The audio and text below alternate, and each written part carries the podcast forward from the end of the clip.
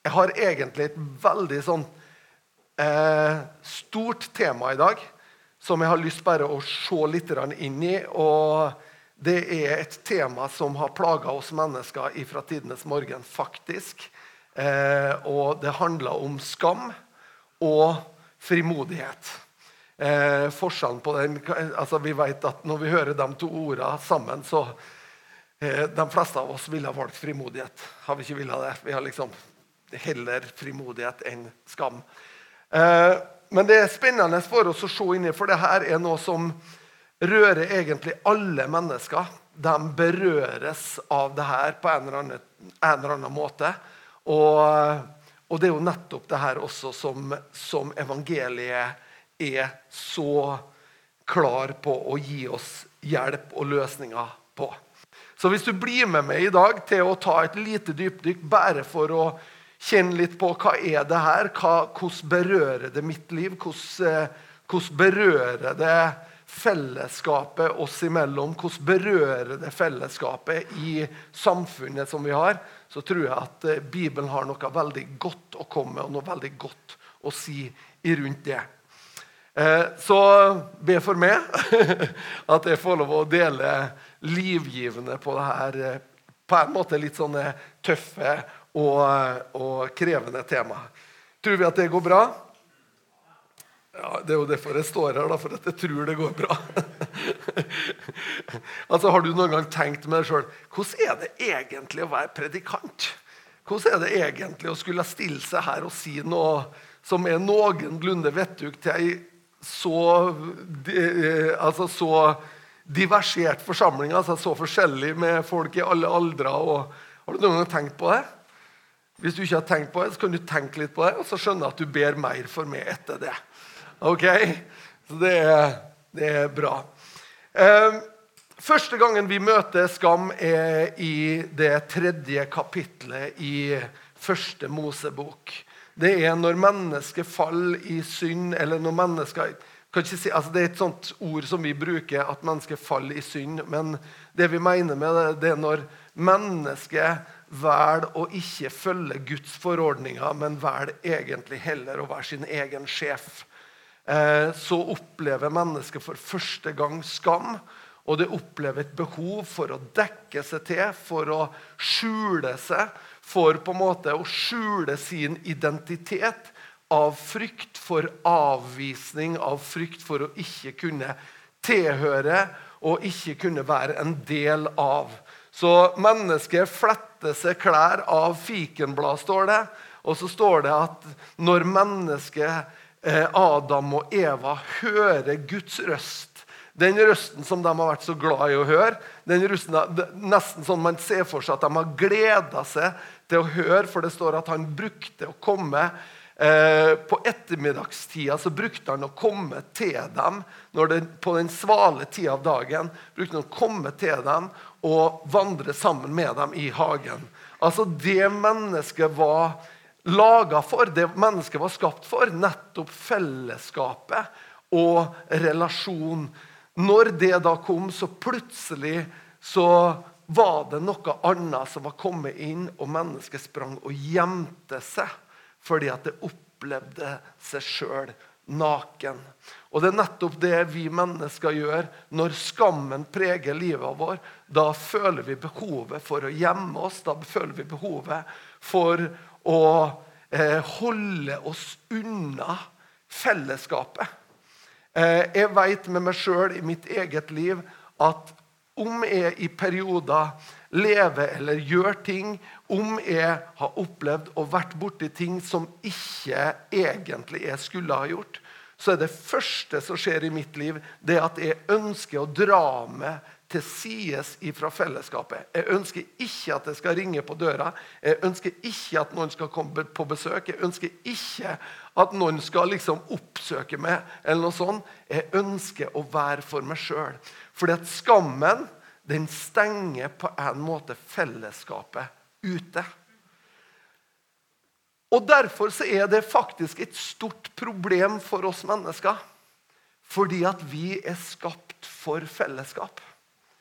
Vi mennesker er skapt for fellesskap. Eh, Det er faktisk så sterkt med oss mennesker at hvis du tar lit, en liten baby og lar babyen være helt for seg sjøl, uten at babyen har nærkontakt, fellesskap eller noen som er der, så vil babyen, sjøl om den får næring, sjøl om den får på en måte det man tenker at fysisk man trenger for å leve, så vil babyen eh, I ekstreme tilfeller så vil faktisk babyen dø bare fordi at den ikke får fellesskapet eller nærheten. Opplevelsen av at noen er der for den. Det er ganske alvorlig. Men det er faktisk sånn at vi er sammenskrudd for fellesskap. Er det noen som er med meg? Vi er sammenskrudd for fellesskap, og det er faktisk ganske rikt. Eh, jeg bare nevner en kristen forsker som jeg syns er veldig spennende som forska på det her. Hun heter Brené Brown. Jeg har nevnt henne noen gang før fra talerstolen her. Eh, det betyr ikke at hun har svaret på alt, men det er ganske spennende når en forsker eh, går inn og forsker, og hun går inn og forsker på hva er det som gjør mennesker, mennesker lykkelig. Hva er fellesnevneren for mennesker som er lykkelige? Som lever gode liv og lever lykkelige liv. Og til hennes forundring så finner hun ut at det som er fellesnevneren, er ikke at det liksom ligger godt til rette, at eh, det fins økonomiske parametere som gjør at de kan leve gode liv, eller at det, det er på en måte noe sånne, En god oppvekst har vært liksom grunnlaget for gode liv. Selv om vi vet jo at det er mange ting som spiller inn. Men Fellesnevneren for lykkelige mennesker er faktisk mennesker som våger. Og mennesker som spesifikt våger å møte sin egen skam. Mennesker som er modige nok til å møte sannheten om seg sjøl og deale med den sannheten. Er ikke det spesielt? Så at Det gjør oss lykkelige som mennesker. At vi på en måte trør litt over skammen og sier at vet du noe, ja, det her er et hinder for meg, men jeg velger allikevel å tore å stå fram med den jeg er, og tore å ta bladet fra munnen og si hvordan det er, sånn at jeg kan bli satt fri ifra det. Sånn at jeg kan se min egen vei ut i frihet. Den andre historien om skam møter vi faktisk i kapittel 4 i første Mosebok. Da møter vi, og vi skal se litt på den historien. Og Der står det en spesiell historie om to brødre, Kain og Abel. Og Så skal vi ikke gå inn på den historien fullt ut som står om Kain og Abel. Men eh, det er en situasjon der Kain han bringer et offer av markens grøde framfor Herren. og Abel han bringer et offer av det førstefødte av buskapen sin innenfor Gud. Og Så står det at Gud så eh, med behag på Abels offer, men han så ikke til Kain sitt offer. Så var på en måte det er ikke alt det her vi kanskje skjønner oss, skjønner oss på. Eh, men i hvert fall sånn står det. Og så står det om, eh, om Kain at eh, i det femte verset her så står det Da ble Kain meget vred og slo blikket ned. Så sa Herren til Kain, hvorfor, eh, hvorfor er du så vred, og hvorfor slår du blikket ned? Det for oss mennesker å slå blikket ned er et uttrykk for at vi ikke ønsker fellesskap. Det er et uttrykk for at vi ønsker å bli eh, latt alene, eller at vi ønsker å bli eh, bli latt i fred, da slår vi blikket ned. Her er det på en måte, her er i starten av menneskets historie. I dag så lever vi i en verden som er full av nedslåtte blikk. Som er full av mennesker som på en måte slår blikket ned fordi at de ikke ønsker. Kanskje noen slår blikket ned for å beskytte seg sjøl for å på en måte holde avstand til ting som man opplever rundt seg som er farlig eller skremmende, eller ting som man ikke ønsker å slippe innpå seg. Men for Kain så var det her noe som var, det her var en, en helt ny form for oppførsel. fordi at mennesket var født til fellesskap. Og plutselig så blir Kain bærer av noe som sier at 'jeg ønsker ikke fellesskapet'. Han slår blikket ned, og det er på en måte et, nettopp det uttrykket for at vet du fellesskap passer meg ikke. Det jeg egentlig er skrudd sammen for, det passer meg ikke i livet mitt der jeg er nå. Derfor så ønsker jeg å beskytte meg sjøl ifra det. Og den letteste måten jeg beskytter meg ifra fellesskapet på, det er å stenge fellesskapet ute. Og stenge følelsene ute. Og stenge på en måte det her som vil konfrontere meg. Det stenger jeg ute og holder det på avstand. Så kommer Gud og sier, 'Hvorfor slår du blikket ned?' Hva er det Kain, hva er det med det mennesket, hva er det med oss mennesker som gjør nettopp det her, at vi slår blikket ned? Og Så sier fortsatt Gud, og så sier han, 'Har du gått i sinnet, kan du ikke da se frimodig opp?' Her møter vi. Det er forskjellen på skammen, for skammen gjør at vi slår blikket ned. Mens frimodigheten den gjør at vi ser opp. kan vi ikke da?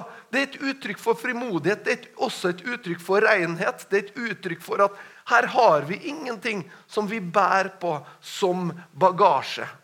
Blikket vårt sier mye om hvem vi er. Eh, jeg kunne ha vist noen bilder av meg sjøl fra jeg var 19 år. Jeg har to sånne du vet vi har sånne passbilder. Noen som husker dem her? Alle, alle, inn i fotoboksen, og så bam, så har du noen, noen bilder.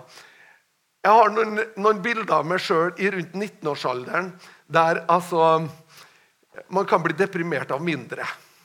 Men å se på et sånt bilde altså, Det kan jo være veldig humoristisk òg. Men vet, når, når, jeg ser enkelte bilder av meg sjøl som 19-åring, så tenker jeg Er det mulig? Fordi at du ser en 19-åring som er helt tom i blikket som er helt på en måte uten glød i blikket. uten... Og Det betyr ikke at jeg ikke hadde liksom glød i, eller glans i livet mitt, eller at det var artig og at livet var På mange måter så var jo livet herlig, men i blikket så ser du ikke det. I blikket så ser du tomhet. Eh, og så har jeg andre passbilder som er tatt rett etter, eller i perioden rett etter at jeg tok imot Jesus som herre i mitt liv. Da ser du et helt annet blikk. Du ser det til og med, Jeg har noen venner som tok bilder av meg når jeg kom på fest. Etter at jeg var blitt en kristen, etter at Jesus har flytta inn. Og du ser øynene lyse på en helt ny måte. Det er liksom et sånn før og etter. Er opplevelsen av på en måte det som skjedde. altså at det kommer noe inn, og det åpner blikket. Og jeg tror nettopp blikket vårt sier noe om det, for Bibelen sier at øynene våre er sjelens speil. Så Derfor så er det noe med oppreisning, det er noe med helbredelse, det er noe med at Gud griper inn når vi som mennesker faktisk kan løfte blikket og se hverandre. Og så har vi litt sånn ulike ting. Jeg sier ikke at alt med blikket vårt har med det å gjøre. For noen kan være mer sjenert, og noen kan være mer av natur, mer innadvendt og sånn og sånn. Men allikevel så er det noe som Bibelen sier om hva vi gjenspeiler i hvert fall hva vi tar imot. Men hvis du ikke har gått i sinne, ligger synden, synden på lur ved dø, døren. Dens onde lyst vil fange deg, men du skal herske over den. Og Det er jo nettopp det som skjer med Kain. Eh, Istedenfor at han her åpner opp og forteller kasserieren, så gjemmer han på skammen, gjemmer på de her onde følelsene han bærer av. Og så er det nettopp det som skjer litt lenger fram, det at han, han tar denne vreden ut på broren sin, og han tar livet av broren sin. Så her ender det med en eh, familietragedie. Men det her er den skammen som eh, skjer, opp, eh, skjer med oss mennesker. Skammen gjør at vi slår blikket ned. Frimodigheten gjør at vi løfter blikket. Eller friheten gjør at vi løfter blikket opp. Som mennesker, er vi skapt for fellesskap. Når Gud skaper mennesker, så skaper han oss i sitt bilde. Og vi er skapt for fellesskap. Og tenk deg nå at Gud, han er eh, Gud Når vi er skapt i Guds bilde, og det står at Gud er kjærlighet Gud er kjærlighet, men han er også fellesskap. Har du tenkt på det? Uten fellesskap så kan du ikke uttrykke kjærlighet. For kjærligheten djupest sett handler om å gi. Det vil si at Skal du uttrykke kjærlighet, så må du være en mottaker. Det må være noen i andre enden. Og Derfor så kan vi også si at når vi sier at Gud er kjærlighet, så er det umulig for Gud å uttrykke kjærlighet hvis den ikke faktisk er et fellesskap. Hvilket Gud er. Han er treenig. Det vil si at når Gud er kjærlighet, så er det en innbyrdes kjærlighetsbevisning imellom Faderen, Sønnen og Den hellige ånd. Som er et fellesskap. Det er det, det er det opprinnelige fellesskapet. Og det er faktisk det fellesskapet vi inviteres inn i. Og det er det fellesskapet vi også føler oss skamfulle til å tre inn i pga. det som ligger over livet av oss, og som er til hinder for våre egne liv. Ser du det? Så når Gud er kjærlighet, så er han fellesskap. For at i fellesskapet så uttrykkes kjærligheten. I fellesskapet uttrykker vi at vi elsker mennesker rundt oss, eller at vi bryr oss av dem. Vi er avhengig av fellesskapet for å leve. Hvis vi tenker en nytestamentlig fortelling om det samme, så kan vi eh, Skal jeg bare ta den fortellinga om denne dama som Jesus møtte ved brønnen. For her møter Jesus ei dame som går og henter vann på ei uvanlig tid på døgnet. De aller fleste damene eh, sier historien, går på morgenen når sola ennå ikke er oppe, når de skal bære tunge vannbører, for det var ofte dem som hadde den oppgaven. Så gikk de på morgenskvisten, og så var det litt sånn dameprat og greier. De møttes liksom ved brønnen der, og, og, så var det litt sånn eh, 'Hvordan går det med det?' og 'Hvordan har du det?' og sånn og sånn. og mens her møter Jesus ei dame som kommer til brønnen i eh, Sykar ved den tida da ingen andre var der. Altså, hun ville sikre seg at hun var alene når hun skulle eh, hente vann. Mest trolig så var det pga. hennes egen skam. Pga. at hun bærte på en skam som gjorde at hun ikke ønska fellesskapet. Hun ønska å trekke seg til side fra fellesskapet og ønsker å si, eh, si på en måte til seg sjøl at hvis jeg kan komme dit alene, så beskytter jeg meg. Og da er det ingen fare, da er det ingen som kan kicke på meg, da er det ingen som kan på en måte synes ting om meg, eller kanskje de synes i alle fall, men i hvert fall så opplever ikke jeg ubehageligheten med den skammen jeg sjøl bærer på. Hennes sitt tema i hennes sitt liv det var mannfolk. Hun hadde hatt som Bibelen sier, hun hatt fem ulike menn, og den mannen som hun hadde nå, var heller ikke hennes egen. Det vil si at Mest trolig så var det en mann som har gått ut av et annet ekteskap for å være med denne dama. Så hun bærte, en, hun bærte på en måte du kan si at Hun bærte ting i livet sitt som hun ikke makta over. Som gjorde at hun, det førte hun ifra det ene fanget til det andre. Uten at det løste hennes sine problemer. Ikke sant? Og Derfor så ble skammen det som ble til hinder for hennes sitt fellesskap med de andre. Og I den historien så opplever vi hvordan Jesus på en veldig flott måte møter nettopp denne skammen hos henne. Hvordan han presenterer andre løsninger for tilfredsstillelse for henne. Andre løsninger for oppreisning for henne. Kom og drikk av det vann som jeg vil gi deg, for det skal bli i deg ei kilde med levende vann som strømmer fram. Ikke sant? Den som drikker av det jeg vil gi, den som på en måte kommer i berøring med det som jeg har, han får møte noe som er langt mer enn det ulike menn har kunnet tilfredsstilt det med. Og så kan vi sjøl tenke i våre egne liv. Hva er det i mitt liv der jeg søker bekreftelse? Der jeg søker Kanskje jeg på en måte prøver å, å kjøre opp en fasade der på en måte jeg skal være vellykka. Eller kanskje jeg ved grådighet søker liksom å posisjonere, posisjonere meg i et samfunn. Kanskje jeg ønsker å bli noe gjennom det jeg eier, det jeg har. Kanskje vi på ulike måter på en måte, vi, vi, vi posisjonerer oss. Kanskje vi tråkker ned andre. Kanskje vi baktaler andre bare for at vi sjøl egentlig lengter etter å komme i et bedre lys, bli stilt i et bedre lys.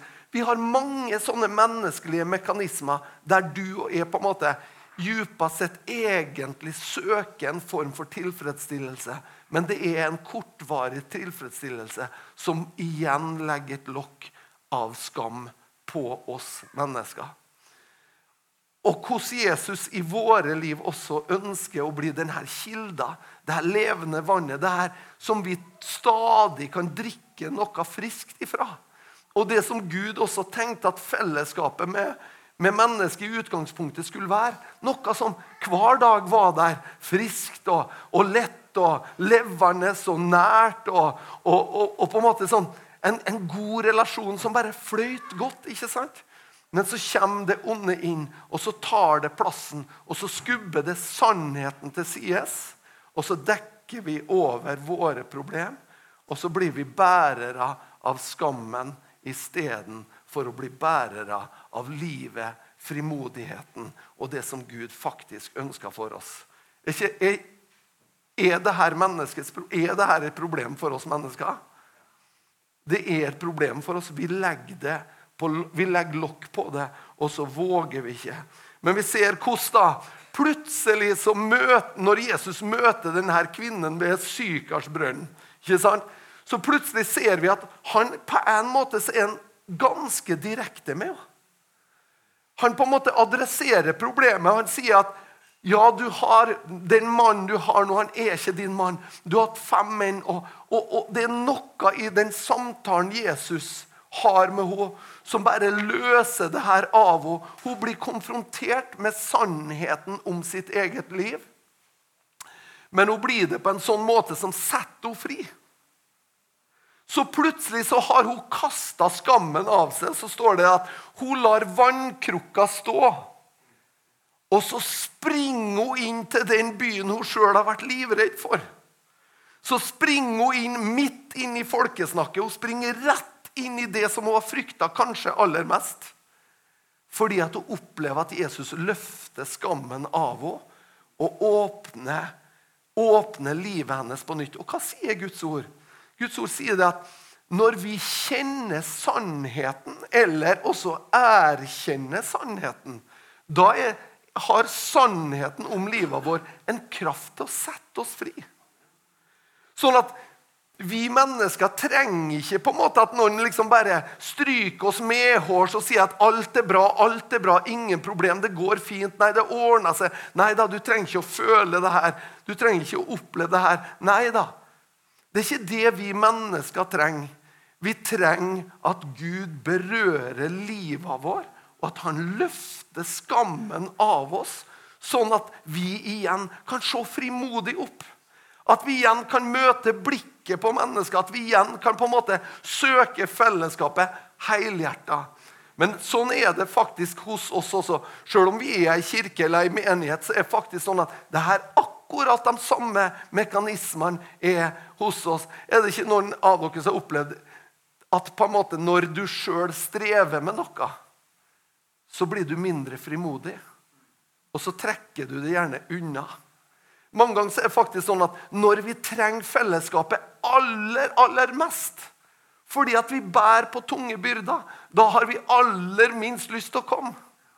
Da har vi lyst til å trekke oss til side. Da har vi lyst til å, Nei, jeg finner gode unnskyldninger. Jeg finner alltid gode unnskyldninger. Det er ikke vanskelig å finne gode unnskyldninger. Men når vi har det vanskelig, da trekker vi oss til side, for da vil vi ikke møte fellesskapet. Vi syns det er ubehagelig. Og så trekker vi oss til sides. Og så lurer vi oss sjøl. Jeg, jeg, jeg, har gjort en avtale med meg sjøl. Og den avtalen er at når jeg minst vil det, da skal jeg oppsøke det jeg kaller for salvelsen eller nærværet av Den hellige ånd.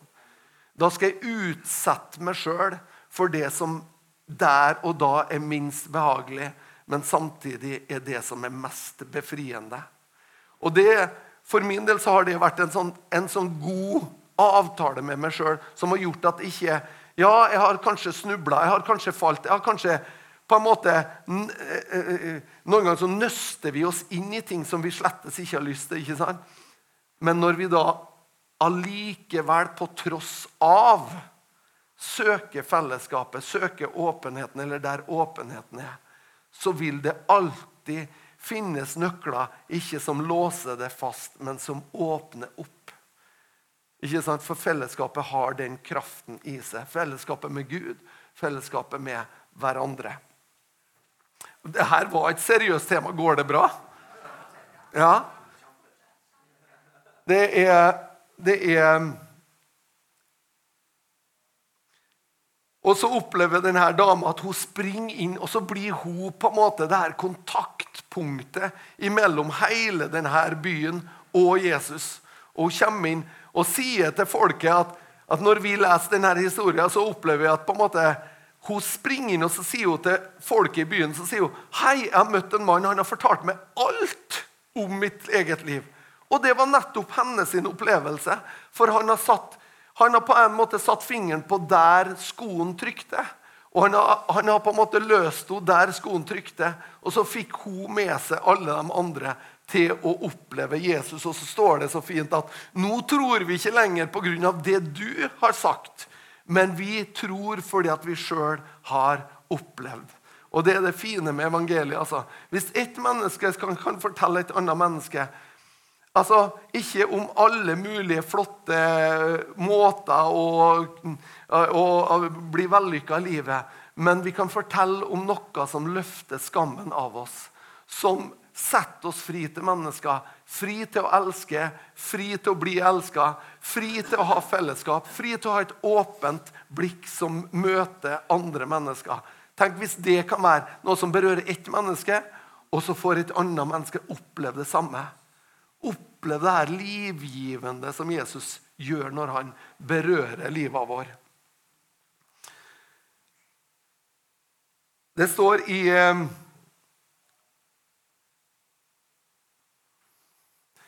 Og så er jo selvfølgelig her, det her er jo lett å si. Sant? Som eh, Bjørn Eidsvåg sa, det er lett å si halleluja, det er verre å gjøre det. For dette her er automatisk en, en, motstand i livet vår. For at når skammen legger seg på oss Når jeg får behov for å dekke meg med fikenblad, eller hva det nå er, når jeg får, lov, jeg får det her behovet for å dekke meg, så får jeg behov for å trekke meg unna.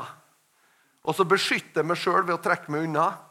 Mens kanskje motet er Og nettopp når jeg sjøl føler som mest for å trekke meg unna, så er motet å stå fram.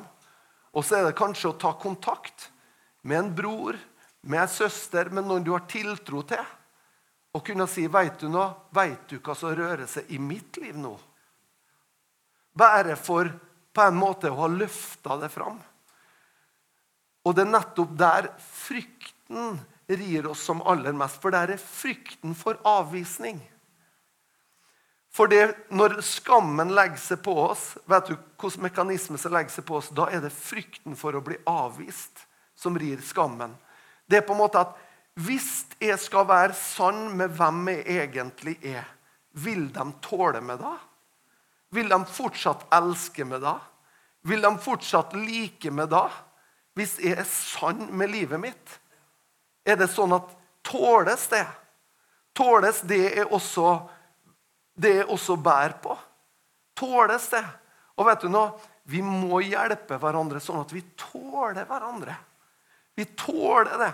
For det er nettopp i det at vi tåler hverandre, at friheten fins. Det at vi tåler hverandre, betyr ikke at ja, vi lar det skure og gå. og vi bare fortsetter i samme mønstre. Men det er nettopp når vi åpner opp de her dørene og tør å være ekte, det er da vi også åpner opp døra til vår egen frihet. Men det er der frykten rir oss. Og det er derfor det er lett for oss i, i, i menighetssettinga og sånt, så er det lett for oss å sette opp den fine fasaden. Sette opp maska av at her er alt godt, her er alt bra, her er det ingen problem, her, det, her står alt bra til. Og så våger vi på en måte ikke å være oss sjøl. Fordi at enda mer, kanskje i en sånn setning, så veit vi hva som er rett. Vi veit hva som er godt. Vi veit hva, på en måte, hva er det vi er, egentlig burde, skulle ha gjort. Ikke sant? Så blir på en måte det her plutselig, det her fellesskapet blir enda mer krevende. Fordi at her opplever jeg i hvert fall ikke at jeg tør å være meg sjøl. Men det her trenger vi å si til hverandre. vet du noe? Jeg ønsker å, jeg ønsker å elske deg sånn som du er. Med det du bærer med de tyngdene du har, med det som på en måte ligger over livet ditt og er vanskelig og tungt, kan jeg få lov å elske det sånn som du er, og hjelpe det ut i den frihet som Jesus faktisk har kjøpt for hver enkelt av oss.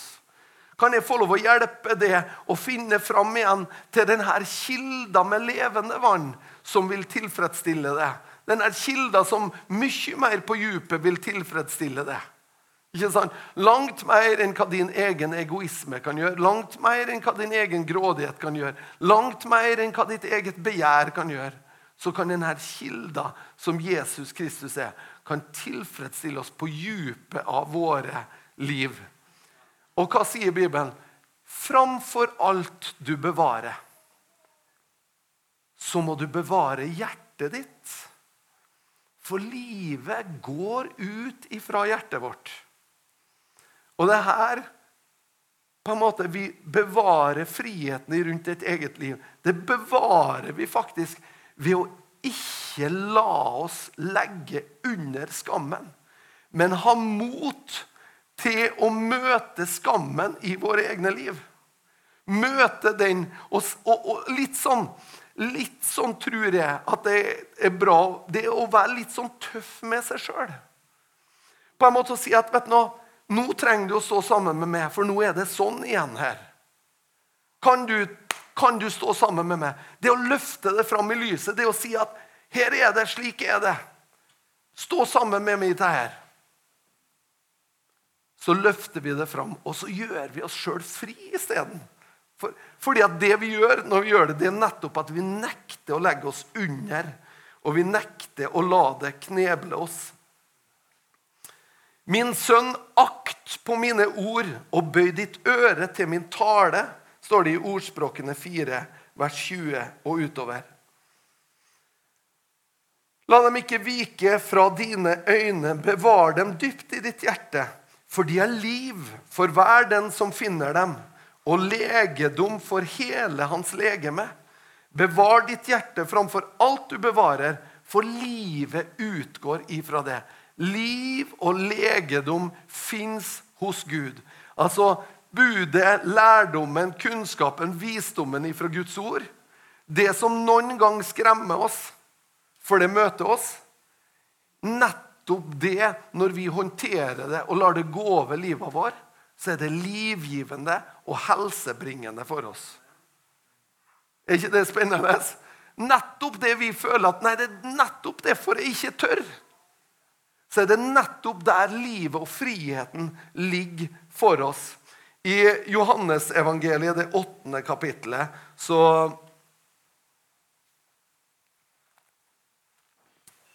Johannesevangeliet, det åttende kapittelet.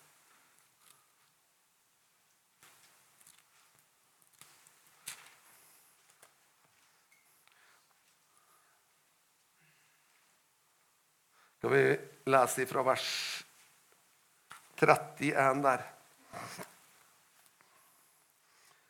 Da sa Jesus til jødene som var kommet til tro på ham.: Hvis dere blir i mitt ord, er dere i sannhet mine disipler, og dere skal kjenne sannheten, og sannheten skal gjøre dere fri.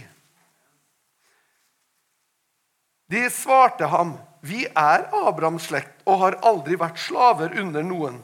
Hvordan kan du si 'dere skal bli fri'? Jesus svarte dem, 'Sannelig, sannelig, sier jeg dere, den som gjør synd, er syndens slave.' Men slaven blir ikke i huset til evig tid. Sønnen blir der til evig tid. Så hvis, sønnen, eh, så hvis sønnen gjør dere fri, da blir dere virkelig fri. Det er faktisk kun Sønnen som har mulighet til å gjøre oss mennesker virkelig fri. Det fins ingen andre som kan gjøre oss mennesker fri. Det fins ingen annen kilde du og jeg kan gå til, som vi kan drikke av og vi kan finne frihet i. Hvis vi gjør synd, så er vi fortsatt slaver under den. Så det er ingen anbefaling fra Guds ord. Ser vi? Det er ingen anbefaling, det er ingen, det er ingen frihet for oss, det. Det å, på en måte si at ja, men jeg, jeg, jeg, er jo fri. jeg kan jo, ja, men Guds nåde er jo nok, og tjo og hei, så det er bare å ture på. Ja, Men det er ingen frihet. Det er ingenting som gjør at du løfter blikket i det. liksom.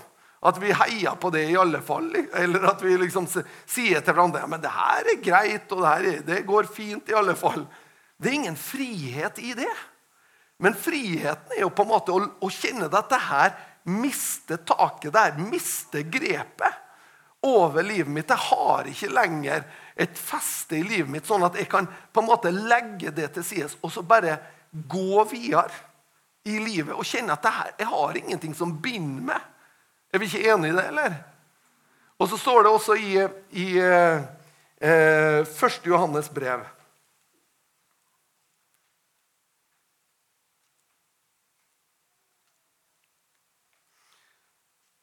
Med det her så ønsker vi jo selvfølgelig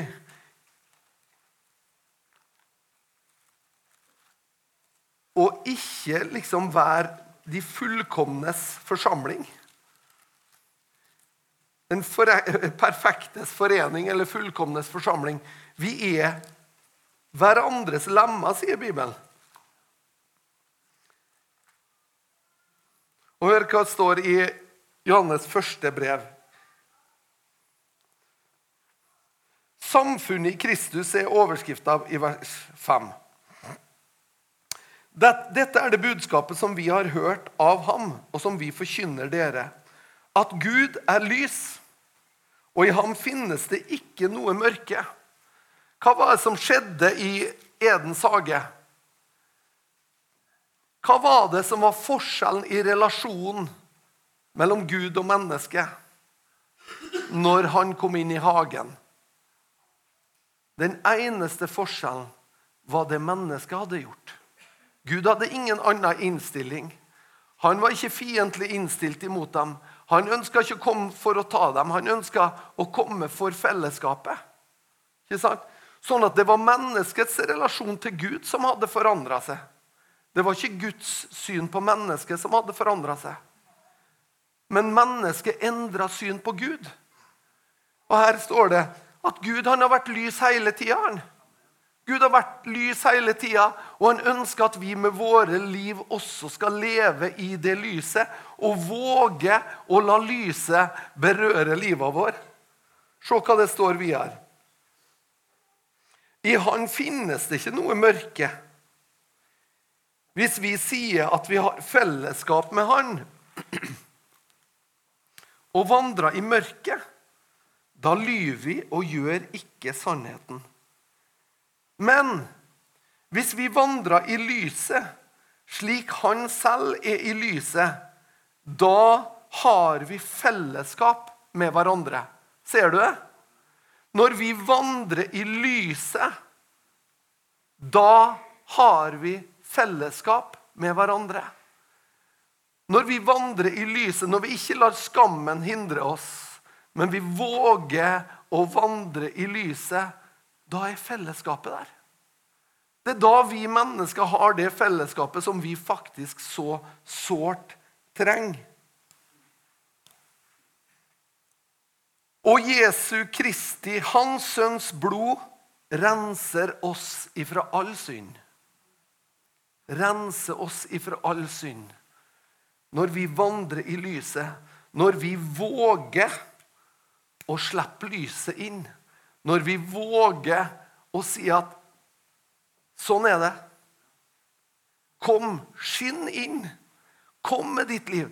Her er på en måte det her det, Hvis du sier det her han, eh, Thomas Thorseth, som er en del av eh, kirka vår i Kristiansund, han sa det så godt. Vi hadde en fellesskapskveld på, på torsdagen. Så sier Thomas Thorseth så godt. Han sier at uten at vi kommer til et punkt av omvendelse, så får vi ingen nytte av Guds nåde.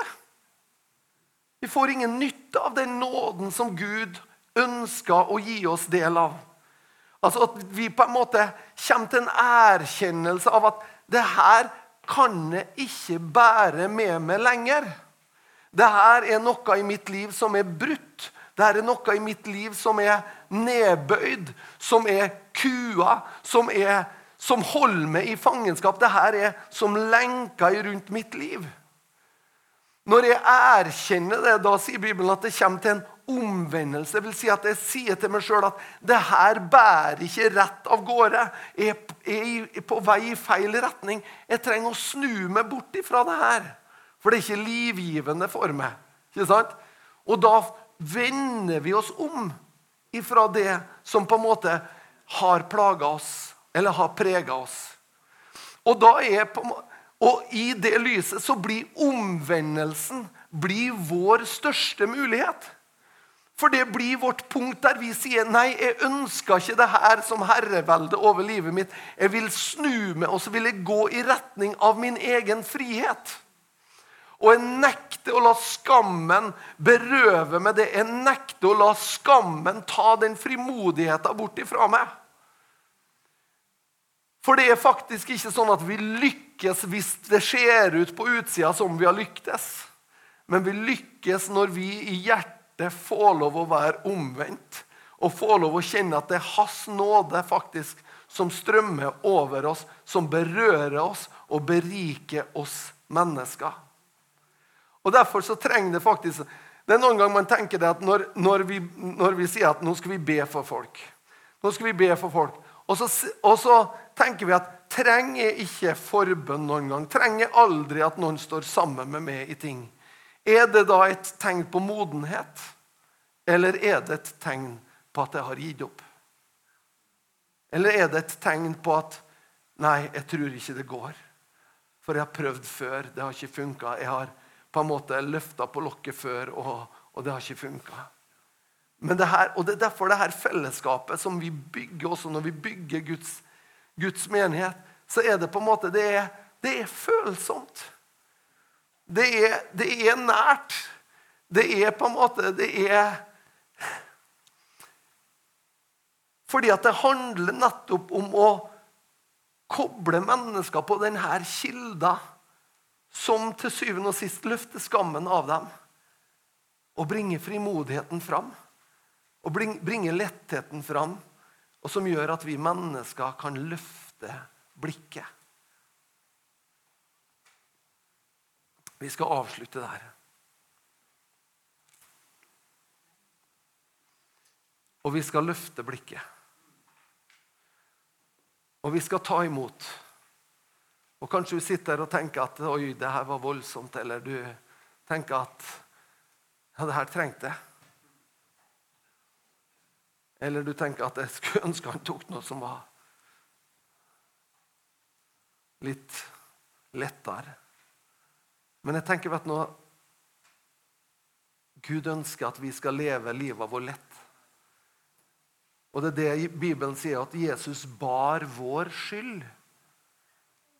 Han løfta den av oss, sånn at vi kunne få lov å leve. Ved hans sår så har vi fått legedom. Han, han tok vår smerte, vår skam, vår plage, for at du og jeg skulle få lov å leve fri. Å leve fri gjør vi ved å gang på gang bare komme til frelsens kilder, der det står at vi kan drikke uforskyldt eller ufortjent. Får vi lov å ta imot. Vi bare bøyer våre hoder, og så bare skal vi være sammen i bønn nå på slutten. Jeg takker, Herre Jesus, jeg takker for hver enkelt av oss. Jeg takker for at du har et ønske om at vi skal leve fulle og hele liv. At vi skal leve liv der hodet vår er heva, der blikket vårt er heva, der vi har frimodighet, og der vi er bærere av frimodighet, Herre. Jeg takker, og så ser du det som legger seg på oss, det som vi på en måte gir rom, det som holder oss nede, det som binder oss, og det som vil hindre oss, og det som legger et lokk av skam på oss, Herre. Vi bare ber Herre om at vi får lov å komme til det nå, Herre. Med alt det vi bærer av, Herre, på godt og ondt. At vi får lov å komme til det. Og så sier vi til det, Herre, må du løfte det av oss. Må du hjelpe oss, Herre. Må du føre lys over oss, Herre. Må du føre liv over oss, Herre. Sånn som du har gjort, Herre, når du sa at det var fullbrakt. Så var det nettopp for at alle vi skulle få lov å oppleve og erfare at vi var fri ifra skammen, skylden. Vi var fri ifra det som på en måte holder oss bundet i livet. Takke deg, Herre Jesus. Takk at du var vår soning. Takk at du er denne kilda til liv som vi stadig får lov å komme til. Vi stadig får lov å øse ifra. Det takker jeg for, Herre. Og jeg takker deg, Herre, at vi får lov å ha lett for omvendelse. At vi får lov å ha lett for å legge ifra oss. Og få lov å ha lett med å komme og løfte fram i lyset det som er vanskelig og tungt for oss. La oss våge å tro at vi blir elska i alle fall. At vi er elska ikke på grunn av, men på tross av våre egne nederlag. Takk takker for det, Herre. Takk at du levendegjør ditt evangelium for oss. Ditt budskap om frihet, liv og oppreisning. Jeg takker deg for det, Herre. Takk for din godhet over hver enkelt som er her i formiddag nå. Takk for din godhet, Herre, over dem som hører dette budskapet på nettet. Takk for at du går inn og berører, Herre, i Jesu navn. Jeg takker, jeg bare tar ut frihet for mennesker som har vært årevis plaga og under slaveri av ting som har bundet dem. Jeg tar ut frihet. Jeg tar ut liv og frihet. Jeg takker deg, Herre Jesus at du løfter skammen av, Herre. Takke deg, Herre Jesus, at du styrker oss, Herre. Omvend oss, du, Herre, i våre hjerter, Herre, sånn at vi blir omvendt. Sånn at vi bare får lov å vende oss til det, Herre. Og vi ønsker å komme med livet vår, Herre. Og vi ønsker å leve dem fritt og godt. Herre, takker deg for din godhet over oss. I Jesu navn.